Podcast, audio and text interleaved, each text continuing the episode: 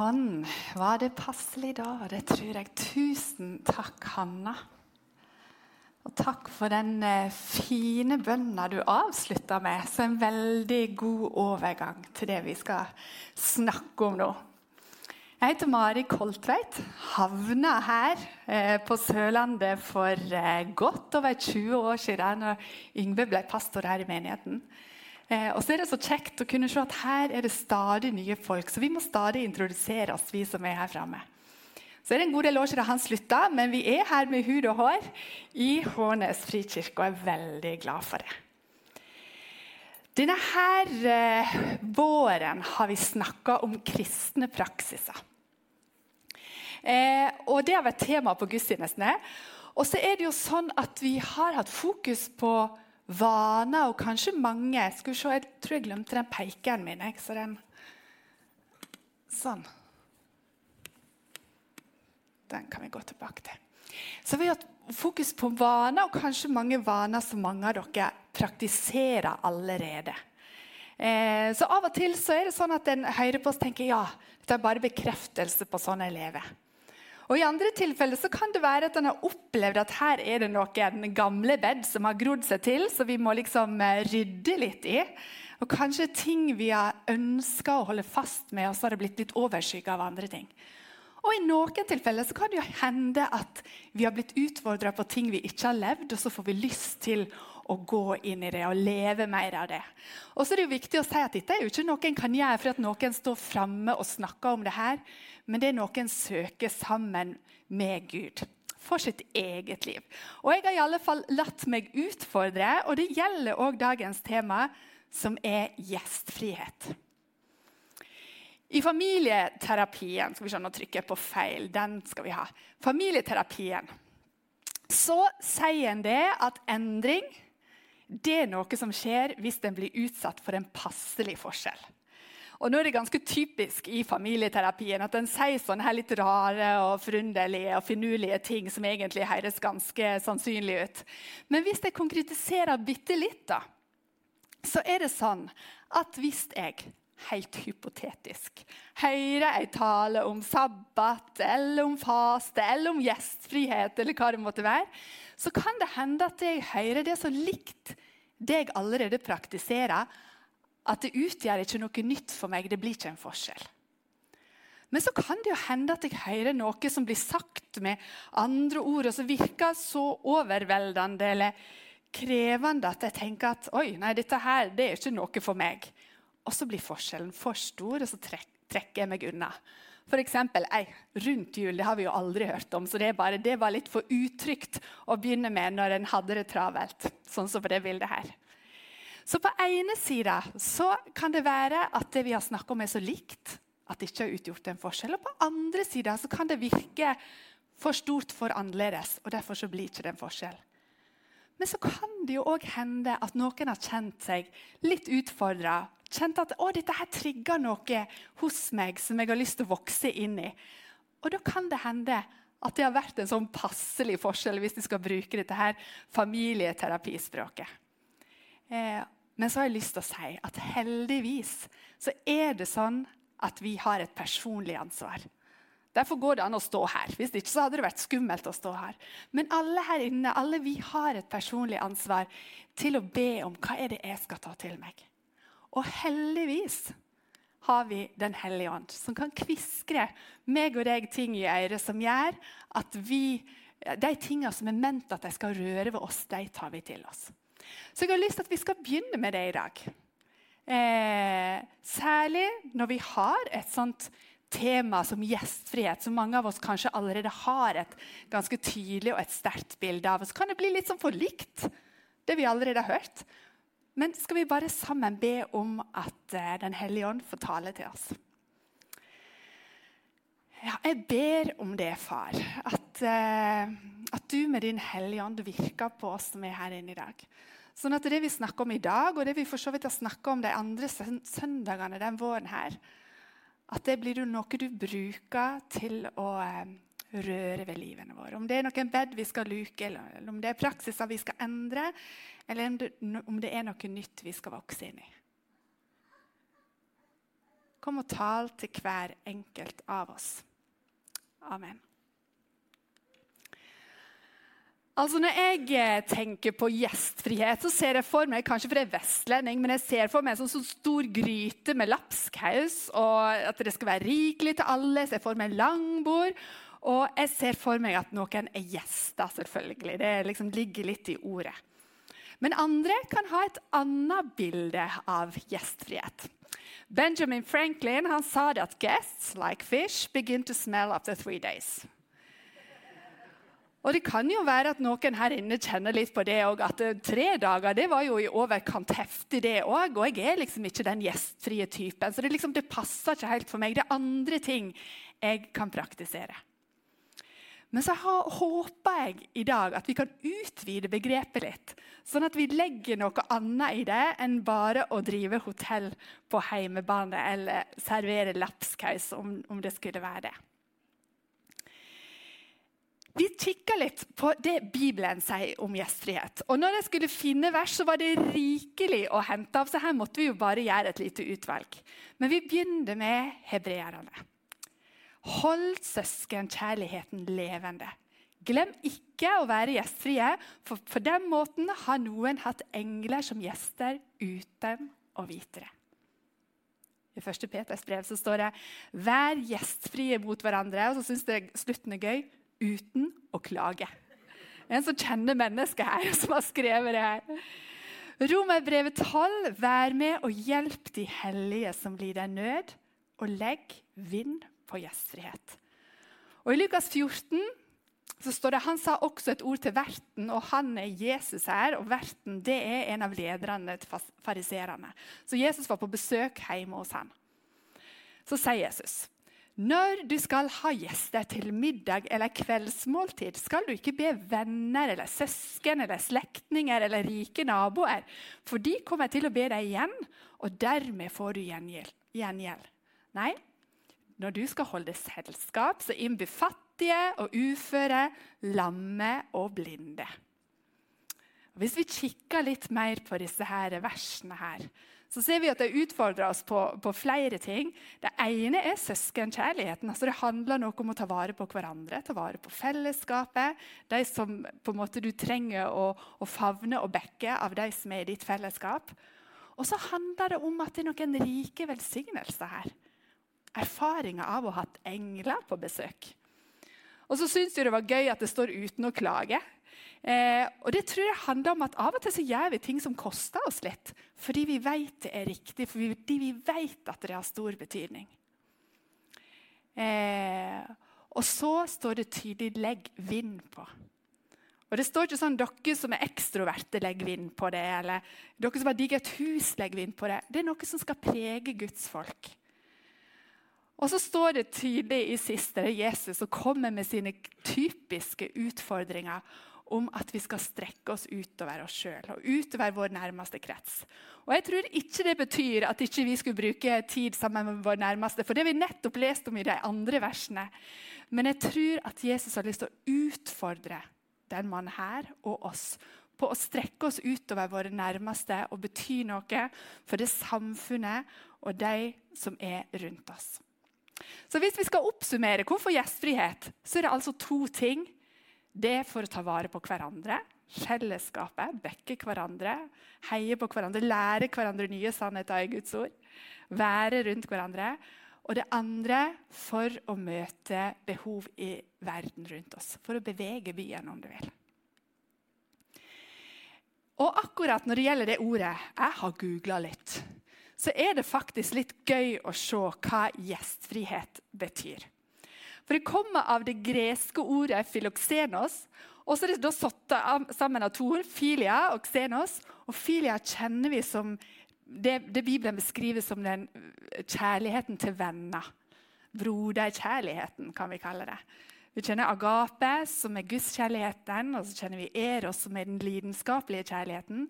Og så har du den broderkjærligheten, som det står masse om i, i Bibelen. Og xenos betyr fremmed, så det betyr egentlig kjærlighet til fremmede. Det er det gjestfrihet betyr. Så det går tapt ganske masse i det ene ordet som vi bruker. Og så er det det motsatte, da, eller i alle fall noe helt annet enn fremmedfrykt, som òg er satt sammen av xenos, men òg av fobia, frykt. Så det betyr at gjestfrihet det er noe mye videre enn å ha besøk hjemme. Å ha gjester som begynner å lukte etter tre dager. Gjestfrihet er altså skal vi, Kanskje skal vi heller si at, det, at vi, nå har vi en tale om å invitere folk inn til det som er vårt. Og jeg sier vi, for det er flere enn meg som skal tale i dag. Raushet med det vi har. Kanskje riktig sjenerøsitet, om du vil. Eh, det å praktisere kjærlighet til fremmede.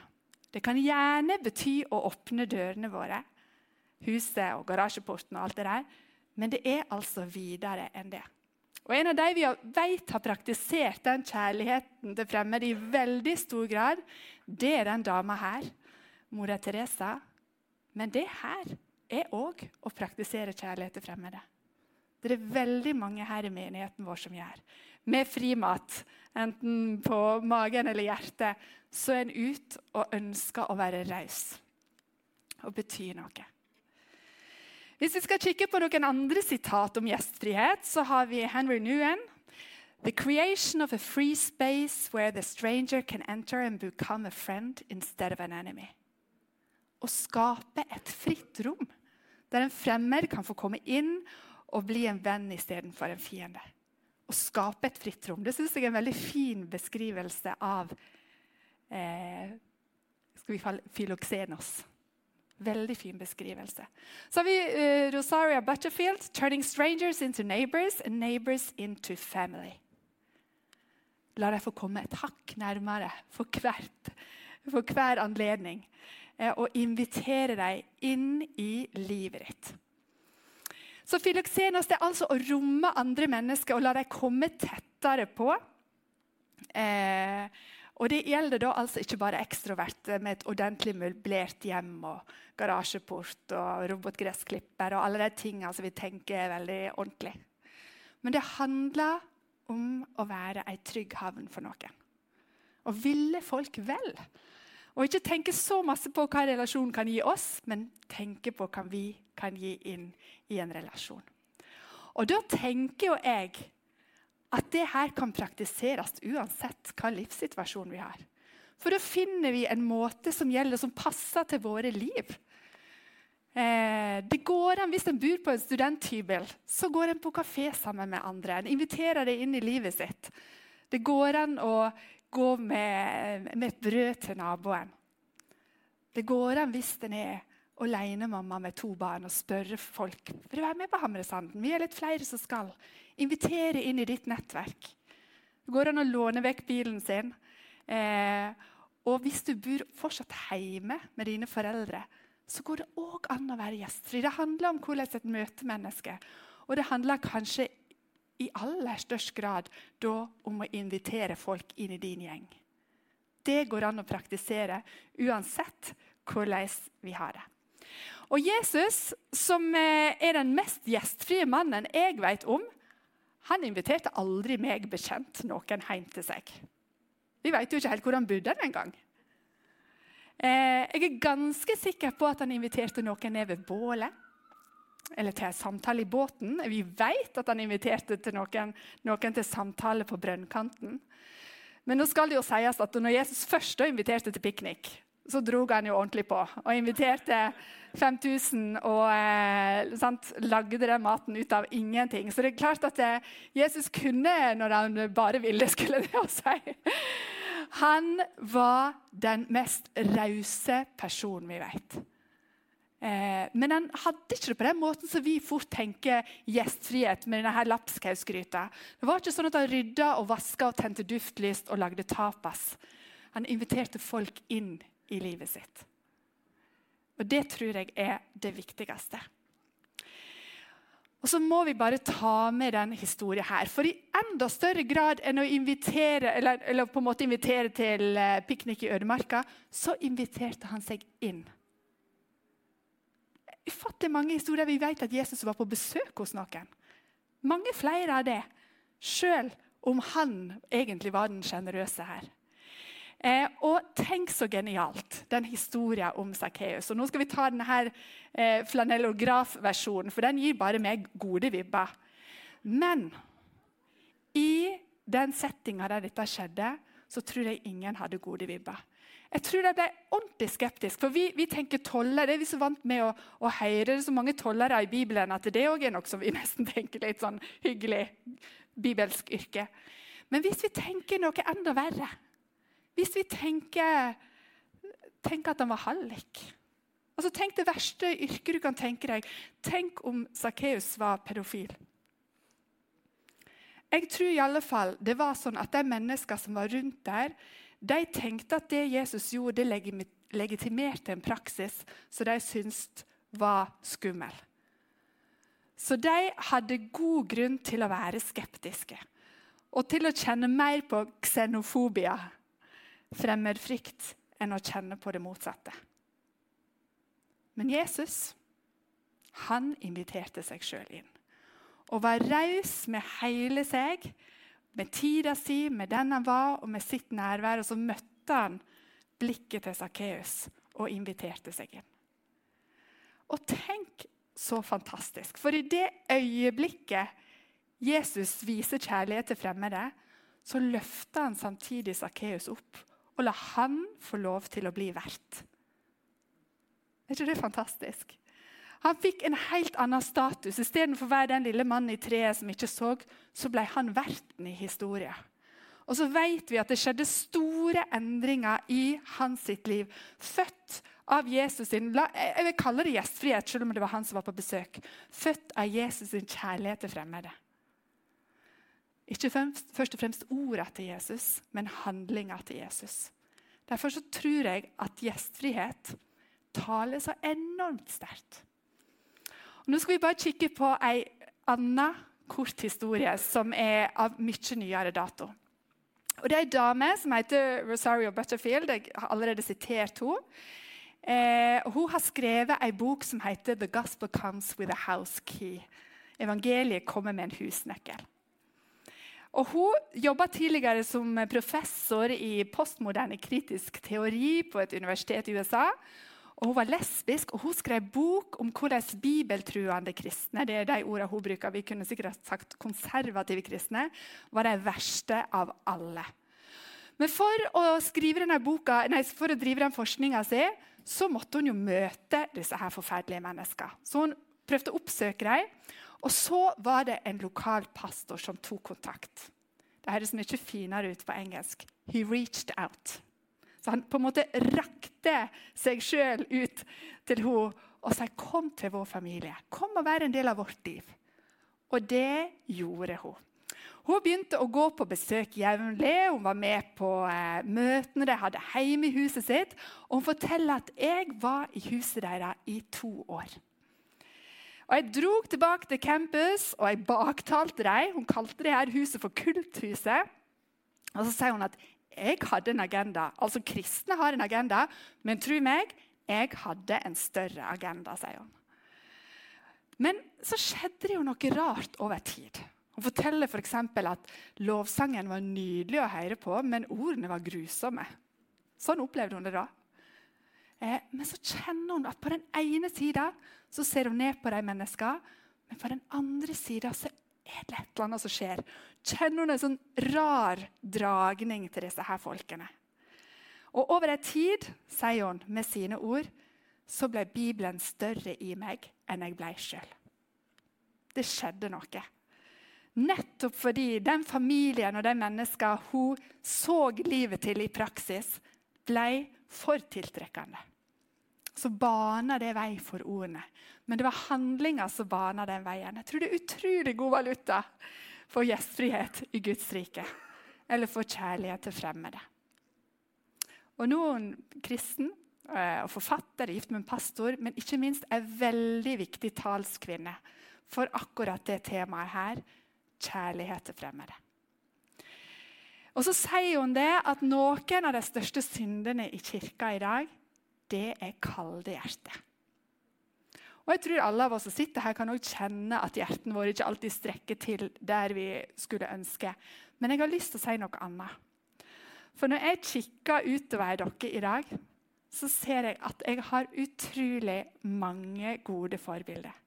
Jeg tror at Hånes frikirke er ganske god på gjestfrihet. Er det lov til å si det av og til?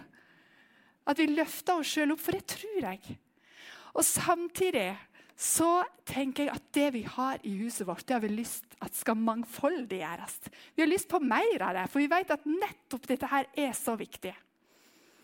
Eh, og jeg synes Det var fantastisk når jeg skulle tale i dag, så tenkte jeg nå skal jeg ha litt innspill fra andre. Og det var så mange av dere. Jeg tenkte jeg kunne brukt den. Jeg kunne brukt den, altså jeg tror jeg kunne brukt alle av dere. For jeg tror vi er smitta litt av det her. Men så har vi lyst til å ha mer.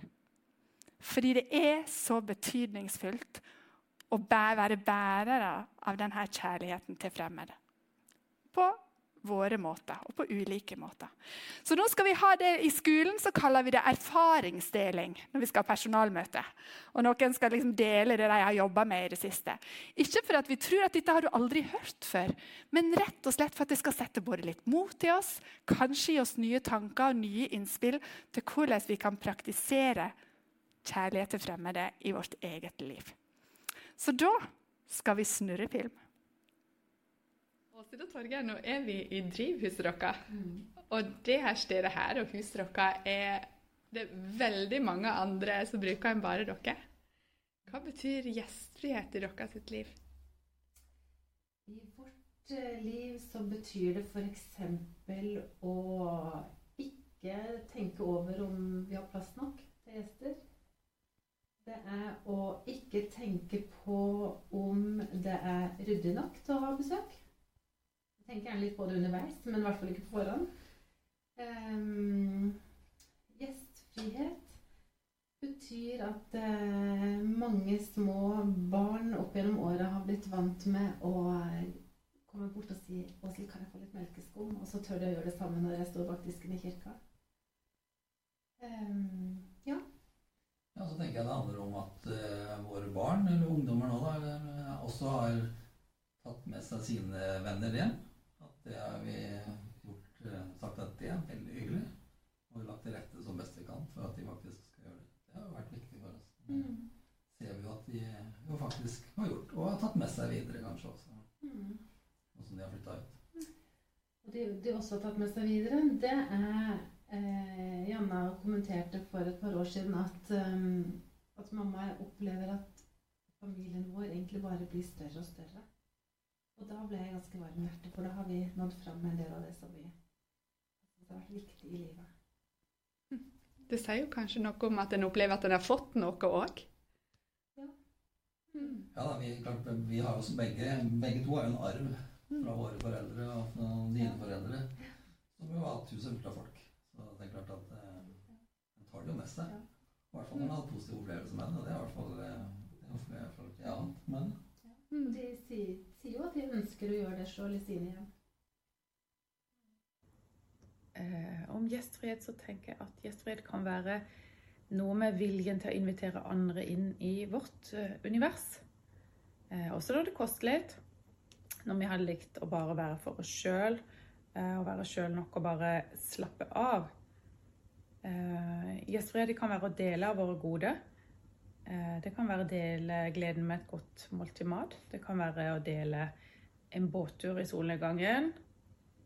La andre ta i bruk bilen din, båten din, hytta di, huset ditt. Når ikke det er i bruk, eller når det er behov for det. Eller hva med å gi rom for mennesker som er på flukt, eller mennesker som er i behov for et sted å være. Og gi de rom i hjertet vårt og gi de rom i huset vårt. Eh, gjestfrihet for meg er raushet i å vite det at alt det som jeg eier, det har jeg bare til låns for en liten stund. Alt hører Herren til. Og jeg får lov til å forvalte den liten tid som jeg er her på jorda. Hjemme hos oss, som består av meg og Andreas, mannen min og våre tre barn, så er det med gjestfrihet noe vi virkelig ønsker å praktisere, og som eh, er viktig for oss. Men vi merker også at det at vi er forskjellige, det kan gjøre det litt krevende. For de er sånn som trenger litt luft i hverdagen min. Jeg orker ikke alltid å putte inn noen ekstra ting, mens Andreas gjerne kan ha, kan ha besøk både titt og ofte og fylle alle hull. Så her må vi prøve å finne en balanse. Eh, og det går jo litt opp og ned. Men innstillinga vår er jo at vi ønsker å bruke hjemmet vårt. At ikke det bare er et sted for oss sjøl, men at det er et sted for venner til barna våre. At det er et sted hvor vi kan invitere inn en nabo på en kopp kaffe, og um, invitere folk på middag. Og så er det jo litt det å finne sin stil, da. Vi syns jo ofte det å invitere på middag er hyggelig. Jeg vet jo at det er ikke alle som syns det, men det å finne ut hva funker for oss Og det tar litt tid, merker jeg. Og så er det litt i faser og i sesonger òg, hvor mye kapasiteten har. Men nå har vi jo i vår snakka om dette her med rytmer, og jeg tror jo at det også eh, Vi må velge bort noe. Vi må prioritere. For å få tid til å være gjestfri, så kan jo ikke hele timeplanen være full. Så det har vært litt viktig for meg. Det er liksom å lage rom for at det går an å ha besøk innimellom. Og som Andreas sa forrige søndag i eh, sitt lille vitnesbyrd om det med sabbat og hviledag, så eh, er jo det noe vi nå øver oss på. De har sett av sånn 24 timer som er en annerledes dag. Hvor en både hviler og fester og feirer. Og innimellom da så inviterer vi folk på middag på lørdag klokka seks til en god middag. Og det når vi har gjort det, så er det utrolig hyggelig. Så det er sånn en liten vane vi begynner å arbeide inn da, i forhold til det med gjestfrihet og dele det vi har. En annen opplevelse jeg nylig har hatt i forhold til gjestfrihet, det var nå på 17. mai, hvor Evin og David, som dere kanskje så i nyhetsbrevet, så inviterte de til åpent hus. De som ville kunne komme der klokka fem på ettermiddagen og grille og være sammen. Og det syns jeg var utrolig fint. For det er jo sånn på 17. mai at mange har folk de pleier å være med, men så er det ganske mange som ikke har noe fast, eller kanskje ikke har så mange de kan henge med. Og det å kunne liksom bare åpne hjemmet sitt, at de gjorde det, og kunne, hvem som helst kunne få lov å komme dit, det syns jeg var utrolig fint. Og jeg fikk oppleve da å liksom gi denne gjestfriheten videre, fordi dagen før så møtte jeg en mor til et av barna som jeg har i klasse med, et av mine barn som hadde ingen planer og egentlig ingen å være med på 17. mai. Så fikk jeg lov å invitere de dit. Og når vi tok følge hjem den kvelden, 17. mai kveld, så sa et av barna i den familien dette er den beste 17. mai jeg har hatt i hele mitt liv. Eh, så det var en sånn veldig konkret og fin opplevelse av gjestfrihet og raushet. Det beste trikset i forhold til gjestfrihet, det er å gifte seg med noen som er mye mer gjestfri enn en sjøl. Da blir man jo med på lasset. Var ikke det et lurt uh, triks? Hvis en ikke har andre i, bo, i, uh, i, boka. Du, altså, Nå har jeg rett og slett fått lov til å låne deg litt, Inge Hopland. Og Da vi begynte i menigheten her for mange år siden som en ny og kanskje jeg tror jeg nesten kan si noe ganske ung pastorfamilie, så var du med i ledelsen i menigheten. Eh, og i mange år leder av Eldsterådet. Og vi fikk virkelig erfare og kjenne på noe av din omsorg og gjestfrihet. Men det vet jeg at veldig mange òg får kjenne på. Kan du si litt om hva gjestfrihet betyr for deg? Det kan jeg. Um, gjestfrihet for meg for det første er det et stort begrep og rommer veldig mye. Da. Men for meg så betyr det å møte alle med en verdighet og en anerkjennelse. Og ikke minst nysgjerrighet. Alle har noen skjulte diamanter som er fantastiske å få fram. Men da må man bruke tid med sammen med dem. Mm. Um, så jeg ønsker å bruke ja, alt jeg har, i min gjestfrihet. Men det jeg har, betyr egentlig ingenting. Det er jo kontakten med folka som betyr noe for meg. Ja. Du sa jo noe om, Det ligner jo litt på noe av det de sa de vi nettopp så på skjermen. Du sa noe om tid. Eh, hvordan bruker du tid sammen med folk? Ja, jeg kan jo gi noen eksempler. Ja. Um, en 17-åring som gjerne har lyst til å ha sertifikat, og det har vi hatt mange ganger, alle sammen, når vi var 17. Det å kjøre med den, kjøre tur, ja. eller øvingskjøre, det betyr mye, faktisk. Det er en enkel ting.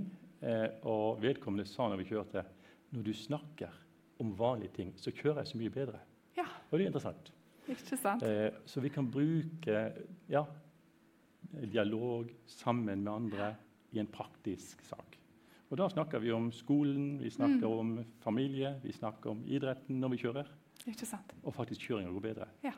Og det er noe med Vi senker skuldrene. Så gjestfrihet er å åpne bildøra og like masse som kjøleskapsdøra? Rett og slett. Absolutt. Mm. absolutt. Både mm. kjøleskap og bildører er gode ting. ja. Hjelpemidler til ja. å kommunisere. Et annet eksempel er en god venn som ikke bor her, som jeg har jevnlig Facebook-samtaler med.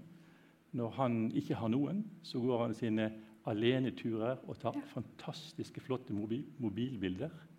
Så sender han bildene til meg, og så kan vi se på de her. Og så har vi en Facebook-prat og ser på bilder. Og så kan vi dele livet egentlig på Facebook. Ja. Ikke på sant. Facebook, men på Facebook-samtale. Videosamtale. Ja. Det Så det å bruke tid med enkeltmennesker det er noe det jeg merker. Og det gjorde jo òg når vi snakka i forkant her, at det betyr masse for deg. Absolutt. Og, og det er mange episoder som jeg kan tenke tilbake på. Det her, det her var en merkelig opplevelse. Jeg hadde en opplevelse der jeg snakket med en mann som ja, han så ikke veldig lyst på verden. Og mange av ordene som kom, var ikke de fineste ordene. Men da kunne jeg være med og si ja, men du har gjort mye i ditt lange liv. Og så avslutter han samtalen med å si kan ikke du komme ned på brygga og ta et Ja. glass? ja. Og da er det plutselig åpnet et rom til å Ja. treffe noen. Og det er jo jeg ikke hadde tenkt. Men sånn blir det. Ja. Da var det å skape det trygge rommet som gjorde at han ble vert. Han inviterte deg. Mm. Du, eh, jeg bare tenker at du eh, Du er jo en av de som eh, jeg tenker Det der ligger jo litt lett for deg. Er er det sånn at det alltid er lett for deg, Inge? Eh, nei, eh, jeg vil ikke si det, da. Jeg hadde en gang jeg skulle det er ikke faktisk lenge siden heller, skulle prate med en nabo om en enkel sak. da. Jeg brukte sikkert ukevis til å forberede meg hvordan skal jeg få sagt det på riktig måte. Ikke støte noen og gikk att og fram att og fram. Men så jeg, nå må jeg bare gå. Jeg hadde sikkert ti ulike alternativer jeg skulle si til vedkommende. Det, brukte jeg ti minutter, og så ba jeg mens jeg gikk. Denne, Kjære Gud, nå må du gi meg de, noen av de ordene jeg har forberedt meg. Ja. Og jeg brukte ingen av de jeg hadde forberedt meg. Nei. Og det er helt utrolig. Og samtalen var veldig god. Ja. Og det er merkelig. Gud er der og gir når du bare går. Men det koster mange uker forberedelse. Ikke sant? Så det sklir ikke av seg sjøl når en heter Inge Hopland. Og egentlig er glad i å møte og se enkeltmennesker. Du, Det ligner jo litt på noe av det Linda sa, som sa at det på en måte det, og når det koster litt av oss, og når vi kanskje har lyst til å være alene, og kanskje òg når det hadde vært lettest å la være. Absolutt. Ja. Men klart, som du nevnte før i bibelversene, Gud og ønsker, Jesus ønsker at vi skal praktisere der vi er.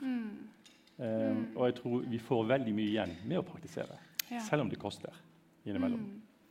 Så har vi hatt engler på besøk. Absolutt.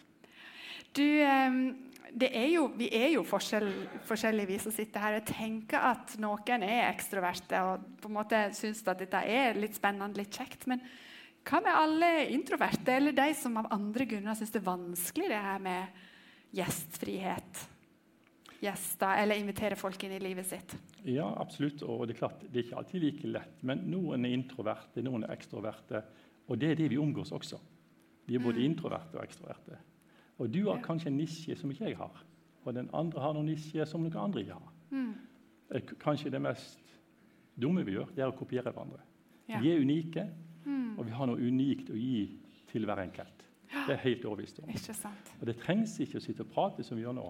En tur uten å si et ord. Du kjenner fort, fort om Guds hjerte er der. Du trenger ikke si et ord. Nei. Og mm. en velsignelse er ikke avhengig av ord. Nei.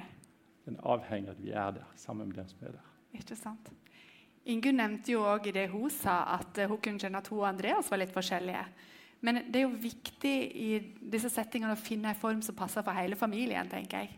At det er noe som fungerer for alle. Men jeg merka meg òg at de var opptatt av å leite etter å finne det rommet. Og det var jo kjempesmart å legge noen vaner, ha noen faste punkt der du kan treffe Ja. Vi har ulike liv og ulike travelheter, og noen må legge noen vaner og noen faste. Det er kjempebra. Andre har en friere rolle og kan ta det der. da. Så det må hver og en kjenne litt på. da. Ja. Hun, eh, Rosario Butcherfield, som vi nettopp eh, hørte om, hun beskriver seg selv som veldig introvert. Og hun sa nettopp det. For oss så er liksom torsdag da er det nabokveld. Eh, og Da lager hun mat, og folk vet at da kan de komme. Så kan ikke den ene torsdagen, så det er mulig neste. Eh, og, eh, og det, er jo, sant? det å lage noen vaner er jo av og til ting lettere for oss. Ja, Eller så kan du bruke Torgeir sitt råd. Ja. Det har ei int- ekstrovert kone. Det Ikke hjelper jo veldig Ja. bra. Det. Men det er jo noe med det å på en måte heie på den andre. Altså, hvis vi er litt ulike, så kan jo på en måte en leite både til å strekke seg, selvfølgelig, men òg å, å finne en måte å heie på dem på. da. Absolutt. Ja. Det, det har jeg erfart, akkurat det. da. I cellergruppa vår som er veldig glad i, der er mange som er flinke til å invitere nye, Ja, ukjente. Og For meg er det en veldig lærdom å bare være der og være i, i Jeg har ikke ansvar, ingenting. Du kan bare være der. nei. Men så blir du kjent med plutselig noen nye, og noen gjør det på den måten og den måten. Mm. Og så kan du ta det med seg. Ja, det var en god idé. Ja, Det skal jeg prøve en gang. det er så bra. Så det er flott. Da, da sier du noe om at kanskje dette her av alle ting også er noe som går an å trene på og øve på. Absolutt. Ja. Det tror jeg. Noen har det jo lettere å få kontakt med folk, og andre må jobbe litt med det. Mm. Men jeg tror det å gjøre ting i fellesskap, sammen, det tror jeg er en kjempestyrke. Ja. Jeg tenker jo kanskje nettopp eh, det du sa, det å gjøre noe sammen. Når vi hadde naboene på besøk for første gang i, eh, i Havreveien, så allierte vi oss med Gitlestad. Tenkte at Det var veldig fint å ha deg der òg, sånn at vi kunne være flere om på en måte å være litt som vertskap.